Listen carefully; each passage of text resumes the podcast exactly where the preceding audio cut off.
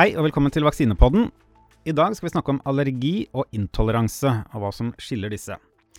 Eh, det er omtrent 40% av norske befolkningen som opplever en eller annen form for allergisk reaksjon i løpet av livet, så dette er noe som skjer med de, faktisk, en sånn veldig stor andel av oss.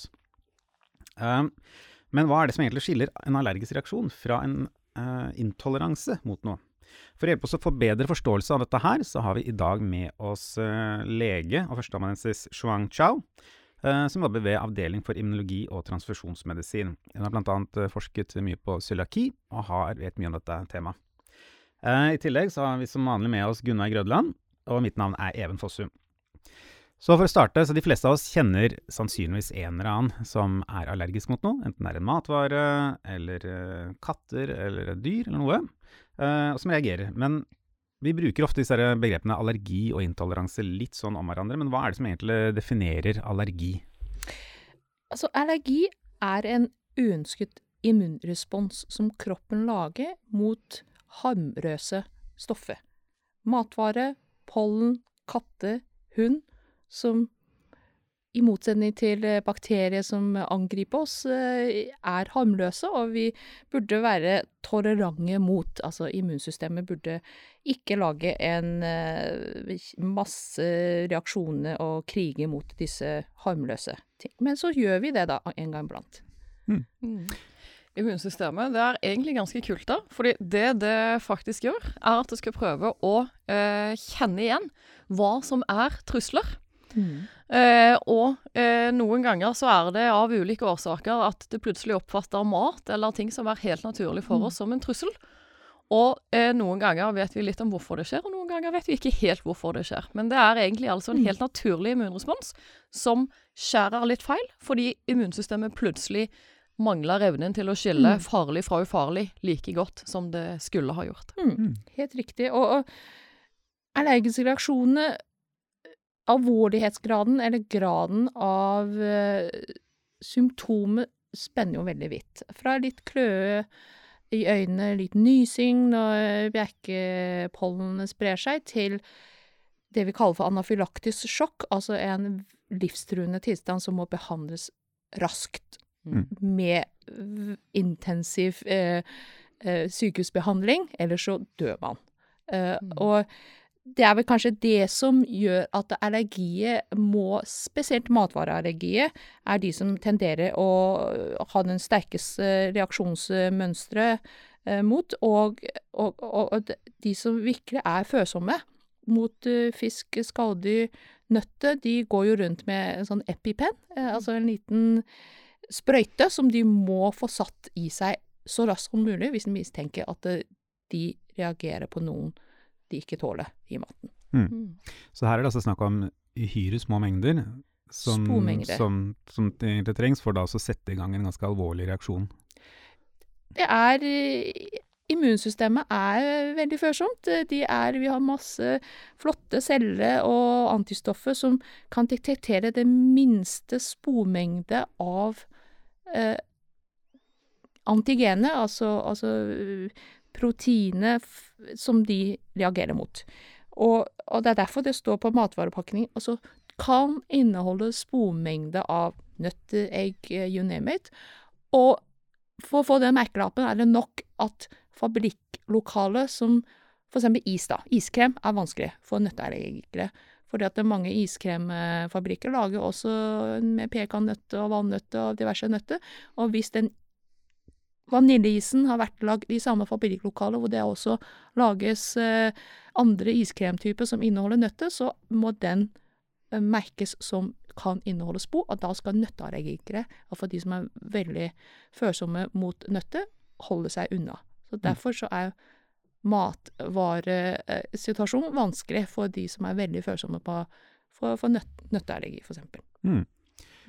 Mm. Det har jo òg eh, kommet opp dette med anafylaktisk sjokk eh, i det siste året. Fordi eh, tidlig når man fikk eh, vaksinert folk, så var det jo noen som fikk mm. anafylaktisk sjokk av personer som var ekstremt allergiske mot enkeltkomponenter i vaksinen. Mm. Og det blir litt det samme prinsippet. Man har ørlite til stede av dette i vaksinen, men likevel nok til å tri- trigge en faktisk livstruende situasjon, som du sier. Og det er derfor vi må sitte der i 15 minutter etter vi har fått vaksinen. Mm. For å unngå Eller for å fange opp, da. De Mm. ytterst få som kan reagere veldig eh, alvorlig mot eh, eggeproteiner eller andre komponenter i vaksinen, eh, slik at de kan eh, få en tilstrekkelig behandling med en gang. Men Mm. det er ytterst sjelden, og de fleste vet jo om det. Mm. Mm. Men det, det, altså, det sier også litt om det, altså dette her skjer veldig raskt. Ikke sant? Altså den der hurtigheten i det. Ikke sant? At du, dette her er noe gjerne som kommer fryktelig fort. Mm. Ja, det kan skje raskt. Da kommer vi inn i kjerneimmunologi. Det finnes forskjellige typer immunreaksjoner. Mm.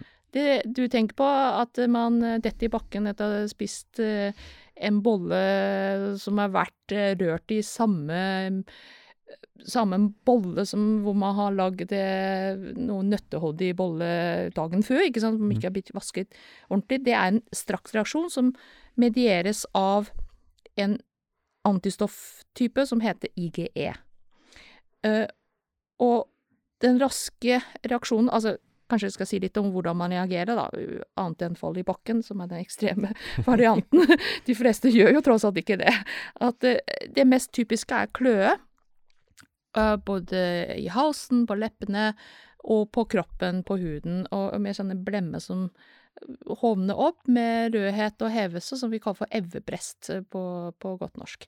Urtikaria på fint eh, latin. Um, og det er en straksreaksjon som kommer av um, at disse IGE-antistoffene som gjenkjenner allergenet, gjenkjenner proteinet i, i man, eh, i, i matvarer man ikke tåler, at um, de binder eh, da å gjenkjenne um, allergenene og så er det noen celler som heter mastceller, som tar fatt i, eller fanger disse IgE-ene, IgE-antistoffene, og antigen fra, fra ting man ikke tåler, IgE-antistoffet og mastceller, den kombinasjonen der gjør at det kommer ut masse um, kjemikalier som heter histamin fra mastcellene, og histamin er det det som gjør at vi klør. Det er Mm. det som gir oss symptomet. Um, og, og den kløen er jo irriterende og, og sånn, men, men hvis man hovner opp i halsen like mye som man hovner opp eh, ellers i kroppen, så kan man få problemer med å puste. Mm. Eh, også I tillegg så kan man få også andre typer kroppsreaksjoner som eh, kan være potensielt livstruende. Men det er den straksreaksjonen du tenker på, Even. Men det finnes også andre typer immunresponser som ikke er mediert av IGE-antistoffet, som er mer cellemediert, altså mediert av T-celler. At T-celler er litt treigere. De, tar, de, de, de, trenger noen timer og et døgn eller to for å reagere, respondere iallfall noen timer, og da eh, eh, Noen kan eksempel være allergisk mot eh, visse typer teip. Eh, plaster man bruker etter man har fått eh, vaksinestikk, eksempel.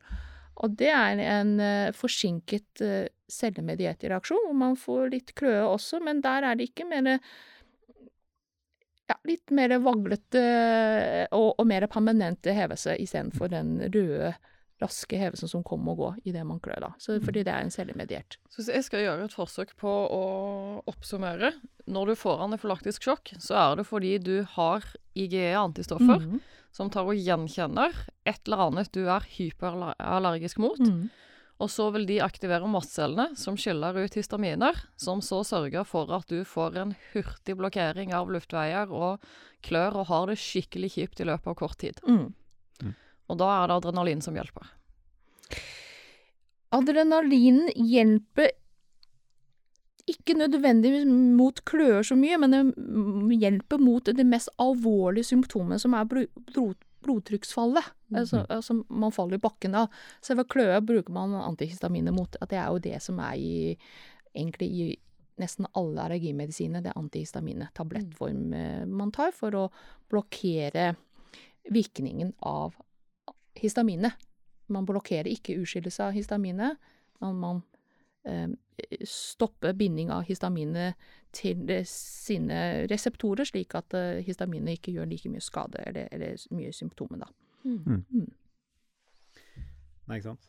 Um, men det du snakka om, eh, altså denne andre typen eh, allergi, uh, der det er T-cellene som, som gjør det Dette her er en da mye mer sånn lokal reaksjon, da. Altså du, du, altså I motsetning Ja. til type disse her eh, anafylaktiske sjokk, som Ja. da går på mer sånn nærmest systemisk. Ja. Du, du, så får du da disse kontaktallergivariantene, sånn Mm. type nikkelallergi, ikke sant. Altså der du, du har et avgrenset område. Kanskje gjerne der eh, det du er allergisk mot har vært i kontakt med Ja. huden. Det er en lokal reaksjon som tar litt tid å komme, og varer gjerne også litt lengre før, tid før, man, før den går av av seg selv. Da er det kortisonkrem, for eksempel, en god behandling, for kortison er et sånn universal immundempende medikament som, eh, som generelt slår ned eh, reaksjonen. Men det tar også litt tid da, før den fungerer, mens adrenalin mot histaminsjokket er jo mye mer hurtigvirkende. Vet vi Altså, vi blir jo ikke født allergiske vanligvis. Ehm, vet vi på en måte sånn, altså hva som disponerer for å bli allergisk, eller hva som på en måte gjør det mer eh, sannsynlig for at man da på en senere tidspunkt kan Ja.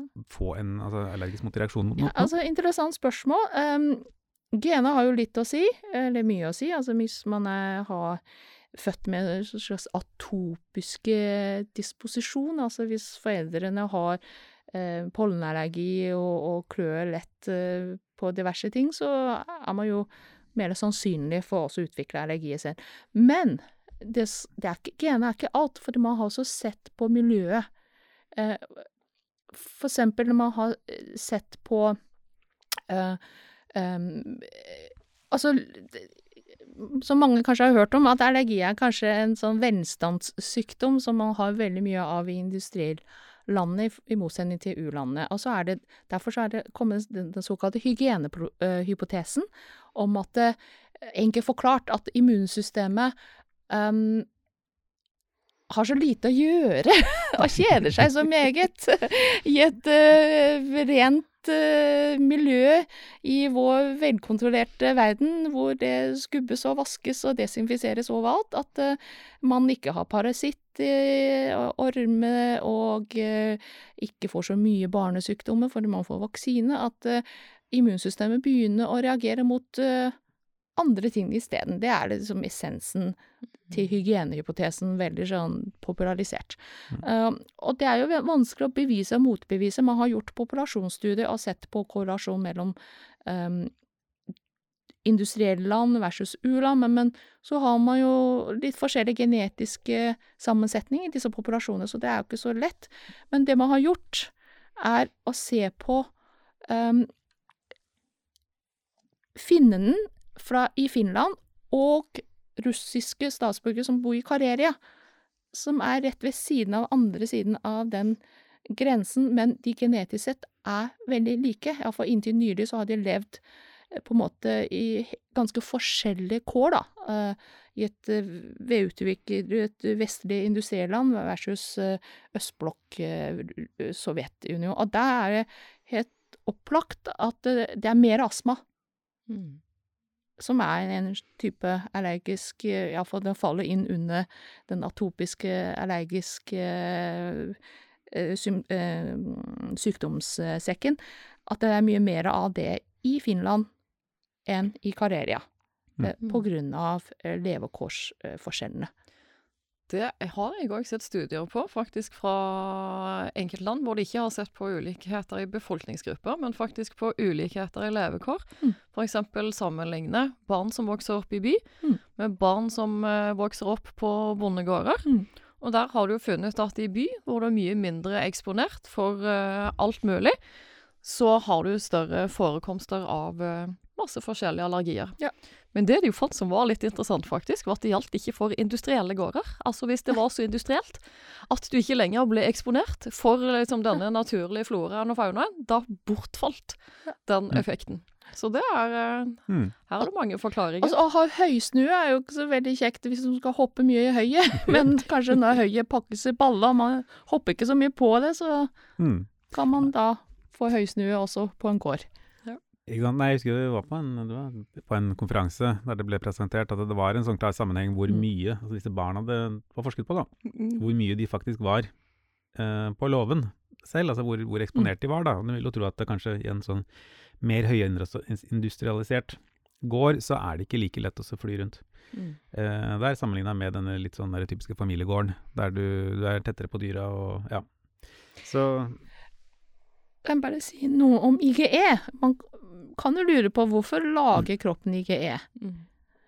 Og IGE har bare en, en eneste kjent naturlig funksjon, bortsett fra å lage masse trøbbel mot eh, pollen og fisk og den slags.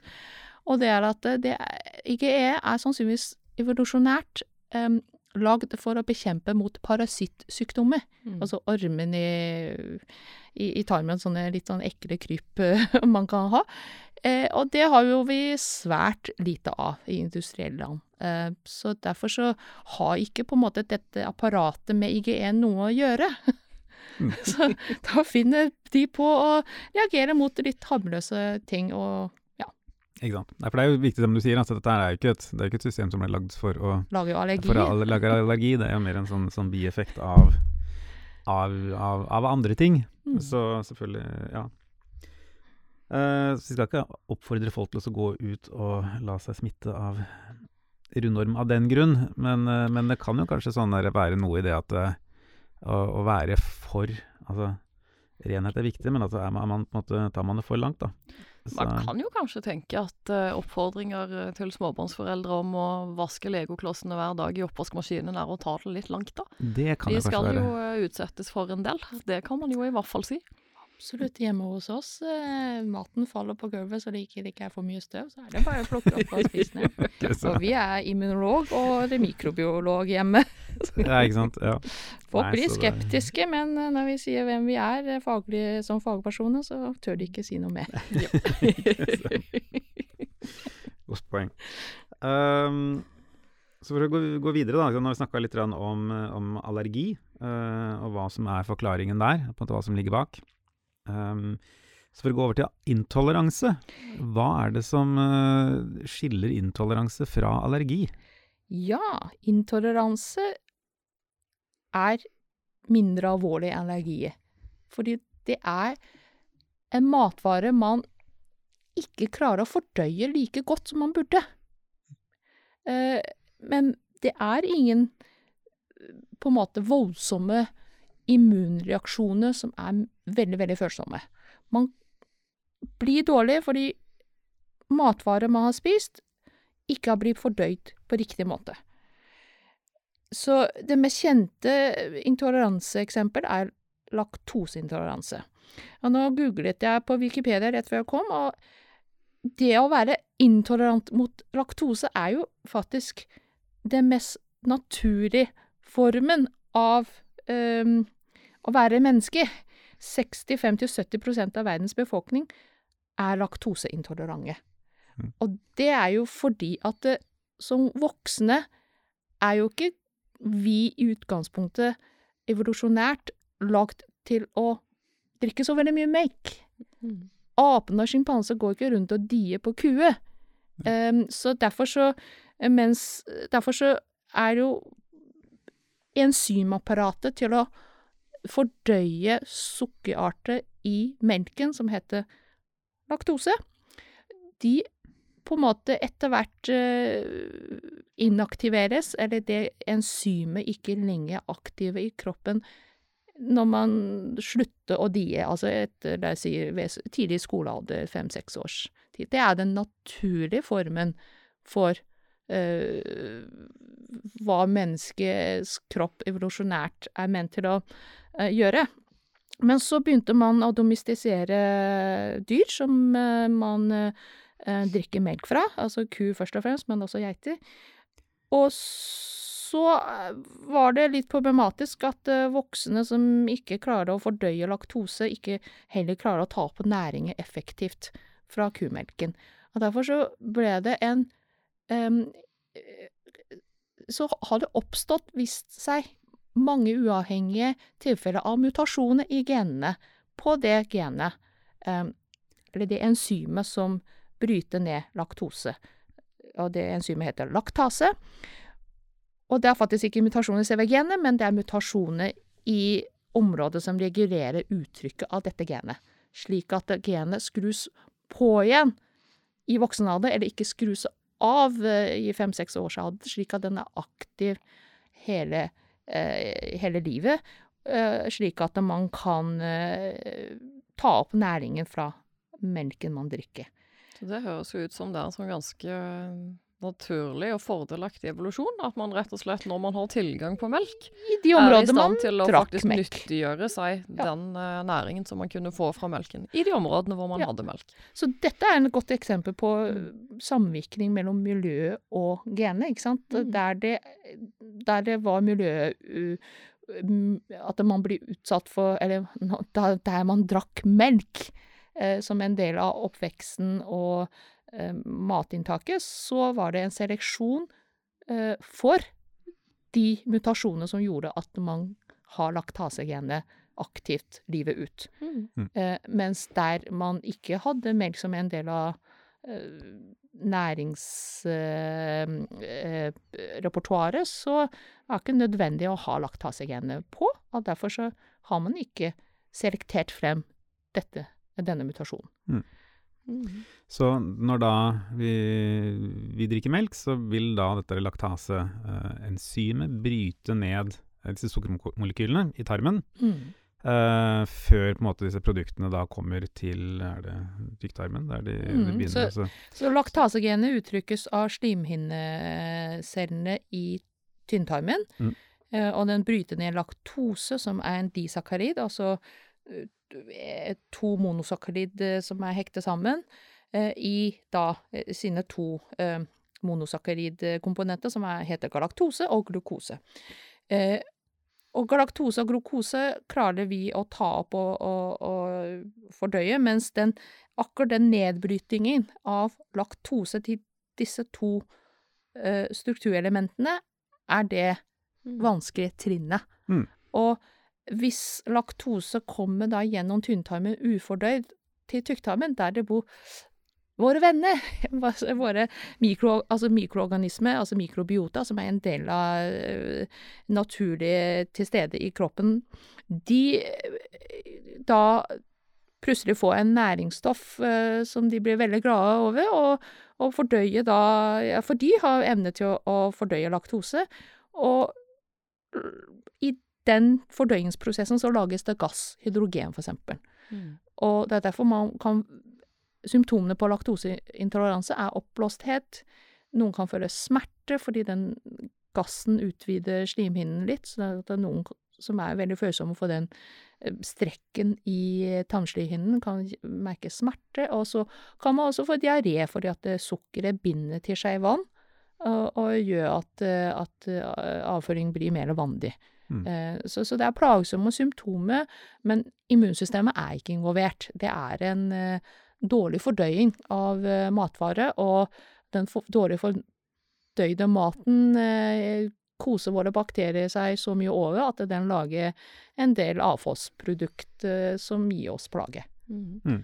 Det jeg syns er litt interessant her, er jo at altså, i motsetning til hva jeg eh, tidligere trodde, så mister man ikke evnen til å spalte laktose. Det er noe du har, eller Mm. ikke har. Det er uh, ikke helt det man uh, egentlig hører vanligvis, for da hører man vanligvis at hvis du slutter å drikke melk, så mister du evnen til å spalte laktose. Selve genenes regulering er nok eh, det samme uansett om du drikker melk eller ikke. Mm. Uh, men det er jo også noe som heter sekundær laktoseintoleranse. Hvis du har hatt en eh, bakterieinfeksjon, virusinfeksjon og hatt eh, diaré, eh, så anbefales ikke at man drikker melk før man er helt Slimhinnen er helt tilhelet, eh, fordi man sier at melken er så tungt fordøyelig, ikke sant. Og det er fordi at eh, man har mistet noen av slimhin- tarmslimhinnene i forbindelse med den diarésykdommen som er eh, utløst av et patogen, og, og derfor så har man midlertidig mistet dette enzymet fordi man har mistet eh, tarmslimhinnecellene. Så det kalles for en sekundær laktoseintoleranse. Men med mindre man blir veldig syk da, av andre eh, tarmsykdommer. Altså cøliaki kan også um, indusere en sekundær laktoseintoleranse, for det er det samme fenomenet at man mister uh, noe av den tarmslimhinne som lager enzymet. Men genetisk sett, genene dine endrer seg, de endrer seg ikke. så Enten har du evne genene dine Altså, enten har du laktase i kroppen din mm, når du ikke har tarmskade, eller så har du ikke, uansett om du drikker melk eller ikke. Men så er det jo disse mikroorganismene, de som egentlig lager trøbbel for deg, de kan jo tenkes at de endrer seg litt. At, uh, at uh, kanskje en dag fikk du en litt annen sammensetning av mikrobiota som gjør at de lager massivt med gassen når de får laktose uh, nedover. Mm. mm. Så selv om du da altså ikke får den endringen og mister evnen til å spalte laktose, så opplever du en faktisk forskjell fordi kroppen din plutselig responderer annerledes på f.eks. melk. Mm. Mm. mm. Så for en liten, liten oppsummering her, så kan vi si at uh, allergi um, Kan jeg bare si en liten ting ja. uh, til slutt om laktoseintoleranse? Det er at uh, de som er laktoseintolerante, de er først og fremst intolerante mot selve umodifisert melk. Altså mm. drikke og glass med melk, men at man tåler faste oster, hvite oster og yoghurt. fordi at enzymene man bruker for å lage ost og yoghurt, de bryter jo ned laktose, iallfall ganske mye av det, eh, slik at det eh, blir laktose og glukose ut av det. Så på noen av disse yoghurtposene så står det eh, naturlig eller mindre tilsatt sukker, og det er fordi at de har brukt eh, enzymet som bryter ned laktose, og spate til galaktose og glukose, som er søt. Altså naturlig mm. søtstoffet, ikke sant. Så, mm. eh, og laktoseredusert melk, for eksempel er jo det samme prinsipp. Man har brukt en syntetisk laktase til å bryte ned laktose for deg på forhånd, og den melken er mye søtere. Mm. Mm. Ikke sant. Mm. Nei, så skal, um, hvis vi skal summere opp litt, så kan vi si at uh, altså allergi er en da, typisk sånn immunologisk sykdom, mens intoleranse er mer sånn genetisk basert. Altså det går da på om du uttrykker disse enzymene eller ikke. Um, nevne, altså Gluten er jo også et av disse her, uh, typiske mm. produktene som, som, ofte kommer opp uh, når det gjelder spesielt kanskje intoleranse. At folk er uh, ikke tåler gluten. Mm. her er det jo altså, flere ting. Altså, du, du forsker jo på cøliaki. Mm. Det er også en sånn glutenrelatert allergisk sykdom. Absolutt. Men hva, hva er det som på en måte definerer det? Hva er det man reagerer på? For, for snakke om cøliaki først, for det er på en måte mye enklere å snakke om cøliaki, for der er det en veldefinert sykdom hvor man kan finne mange laboratorieparametere eh, som tyder på at immunsystemet har laget en uønsket respons mot cøliaki, som er T-cellemediert. Det er noe antistoffer også, men, men først og fremst T-celler er, er, de som lager problemer med cøliaki. At, at, at T-celler eh, reagerer eller gjenkjenner gluten da, i hvete, og, og, og, begynner å angripe tarmslimhinnene eh, som en følge av det, slik at man får eh, dårlig eh, Man får tarmskade eh, når cøliakere spiser gluten. Så cøliaki er godt definert, og man vet veldig mye om cøliaki, genetisk disposisjon, eh, forskjellige eh, Miljøfaktor er jo bare én stor miljøfaktor, det er gluten. Og så behandlingen mot det er glutenfritt kost. Og der er det en streng glutenfri kost som gjelder. Selv veldig, veldig små mengder milligram Nærmest spormengde av gluten, iallfall for de som er mest førsomme, kan over tid utløse eller eh, eh, cøliaki, eller at cøliaki ikke vedlikeholdes, da. Sykdommen vedlikeholdes. Mens glutenintoleranse er litt, iallfall sånn medisinsk sett, vanskelig å definere, fordi at man i hvert fall ennå ikke har funnet gode laboratorie uh, parametere, prøve, som kan vise enten du har glutenintoleranse eller ikke. Det er en foreløpig en ren subjektiv definisjon, at man føler seg dårlig når man har spist gluten.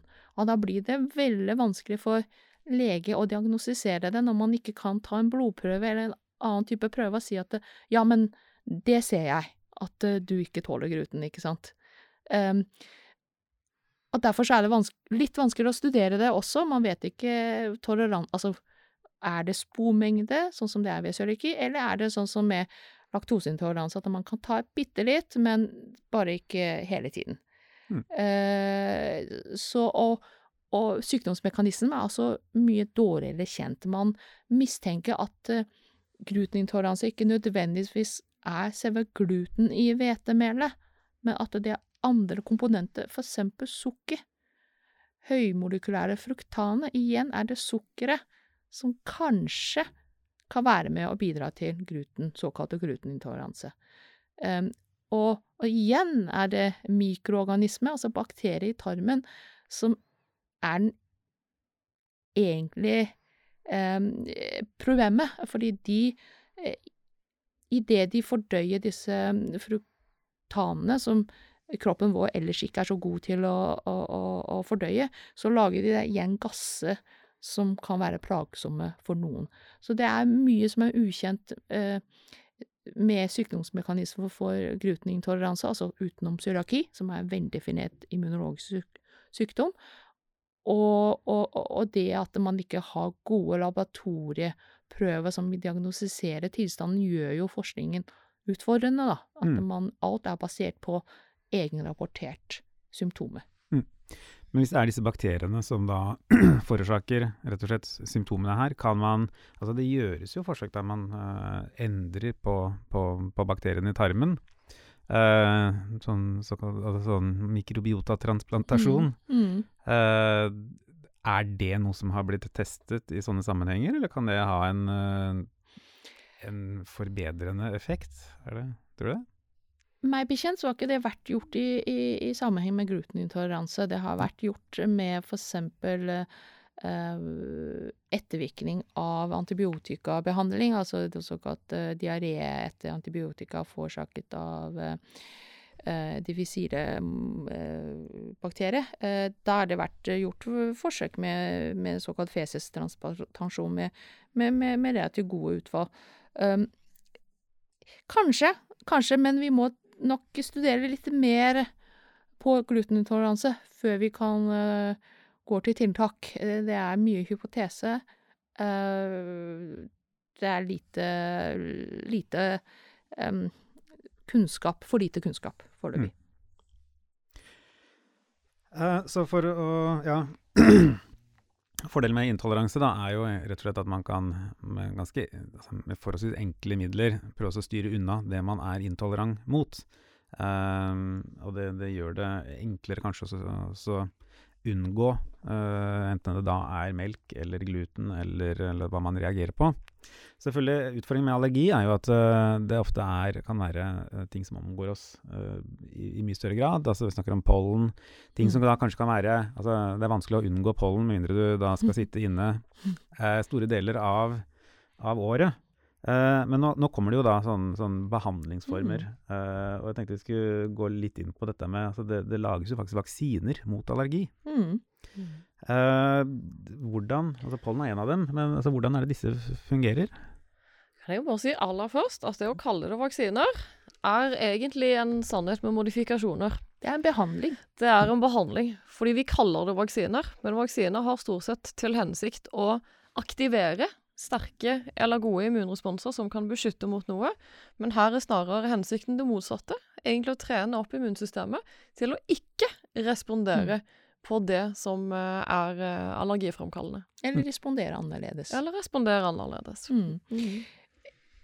Ja, altså det, det, blir jo litt sånn som kreftvaksine, da, som vi ikke skal snakke om i dag. Eh, det, det er igjen, altså vaksinebegrepet er misbrukt litt. Jeg vil heller kalle det en behandling. Um, men prinsippene er jo interessante. Uh, at når man først har allerede fått en uønsket immunrespons mot pollen, uh, så er ikke um, så lett å gjøre noe med den responsen med mindre man uh, Altså, man lager en motrespons for å for å dempe effekten av den første opprinnelige responsen, hvis man kan si det på den måten. For vi har sagt, sagt at det, allergi det er IGE-mediert. Um, men så har vel kanskje de fleste hørt om eh, IGG, som er den mer vanlige formen for antistoffet. Og IGG er det antistoffet som vi primært på en måte danner når vi blir vaksinert eller får en sykdom. Um, og det beskytter oss eh, mot, uh, mot sykdommer og patogener, og, og det um, er um, har masse effekt for seg, men ikke med histaminet. Så vaksine mot pollen, eller allergivaksine, de er en en forsiktig måte til å vri den uønskede immunresponsen mot i og for seg fortsatt en uønsket respons, men på en litt annen måte, slik at den første responsen som er med IGE, blir mindre eh, eh, Lager mindre skade, da, enn den andre responsen man får lagd med vaksinen. Mm. Så man gir veldig, veldig små mengder eh, mm. over veldig, veldig lang tid. Mm. Kan vi da si at uh, altså, hensikten er å sette i gang at du, du, ønsker å lage så mye IGG da, som gjenkjenner dette allergenet, at uh, det du har i kroppen, at IGG-en vil fange opp mm. allergenene rett og slett før det treffer IGE, mm. og fører til den derre uh, degran, eller den der, disse mastcellene da, som begynner å slippe fri histaminer. Helt riktig. Mm. Så man gjør jo egentlig ikke noe med problemet, men bare uh, lager noe annet som som konkurrerer mot det primære mm. problemet som er IGE. Mm. Nei, sant? her er det flere forskjellige vaksiner som er eh, som, som går an å, å, ta. Altså Det er jo lagd vaksiner mot eh, pollen, men også mot type husstøvmidd og mot dyr, mot myggsopp. muggsopp. Så skal man vel si at disse her Det er vel litt varierende eh, hvor effektivt disse, disse vaksinene, vi skal vel kalle det, eller sånn uh, fungerer. Mm. Uh, de kan ha en, uh, en, en, forbedrende effekt, at du kan bli bedre altså ta disse her. Og så er det ikke alltid at effekten Nei. er like god, dessverre. og det ligger vel litt i den der mekanismen som at man er, den er ikke like effektiv, da, med tanke på når man, man fjerner ikke roten av problemet, man prøver bare konkurrere den ut ved å mm. lage IG-antistoffer. Og så må jeg må jo gi for, Siden man allerede har en eksisterende allergireaksjon mot eh, CV-stoffet eller allergenet, så må man uhyre forsiktig når man eh, vaksinerer. Eh, sånn at det er veldig veldig små mengder under kontrollerte forhold. Altså ta det gjerne lang tid. Det tar mange år mm. med mange, mange, mange små doser som man prøver å forsiktig øke uten at det vipper over. Mm. Um, så det er en uh, det er bare de Altså, man må være såpass plaget av primærlidelsen av pollenallergi eh, for å investere i et eh, slikt langvarig prosjekt med mm. ikke 100 garantert eh, effekt. Mm. Mm.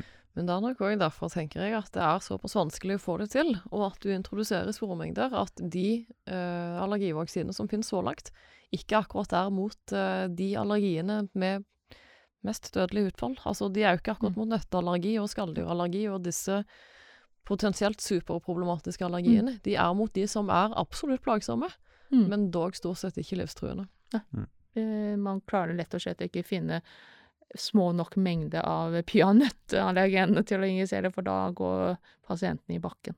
Mm. Nei, godt. Så hvis vi skal si noe om det, da, så er det definitivt rom for forbedringer når det gjelder denne behandlingen av, av allergi, og, og, det å kunne lage bedre allergivaksiner, hvis vi skal mm. kalle dem det. Da tror jeg vi egentlig avslutter med det. Eh, tusen takk til uh, Shuang Chao for at du tok deg tid til å komme hit og så lære oss litt om allergi og intoleranse. Eh, tusen takk til Morten Skoglund ved seksjon for medisinsk informatikk for teknisk produksjon. Og takk til dere som har hørt på.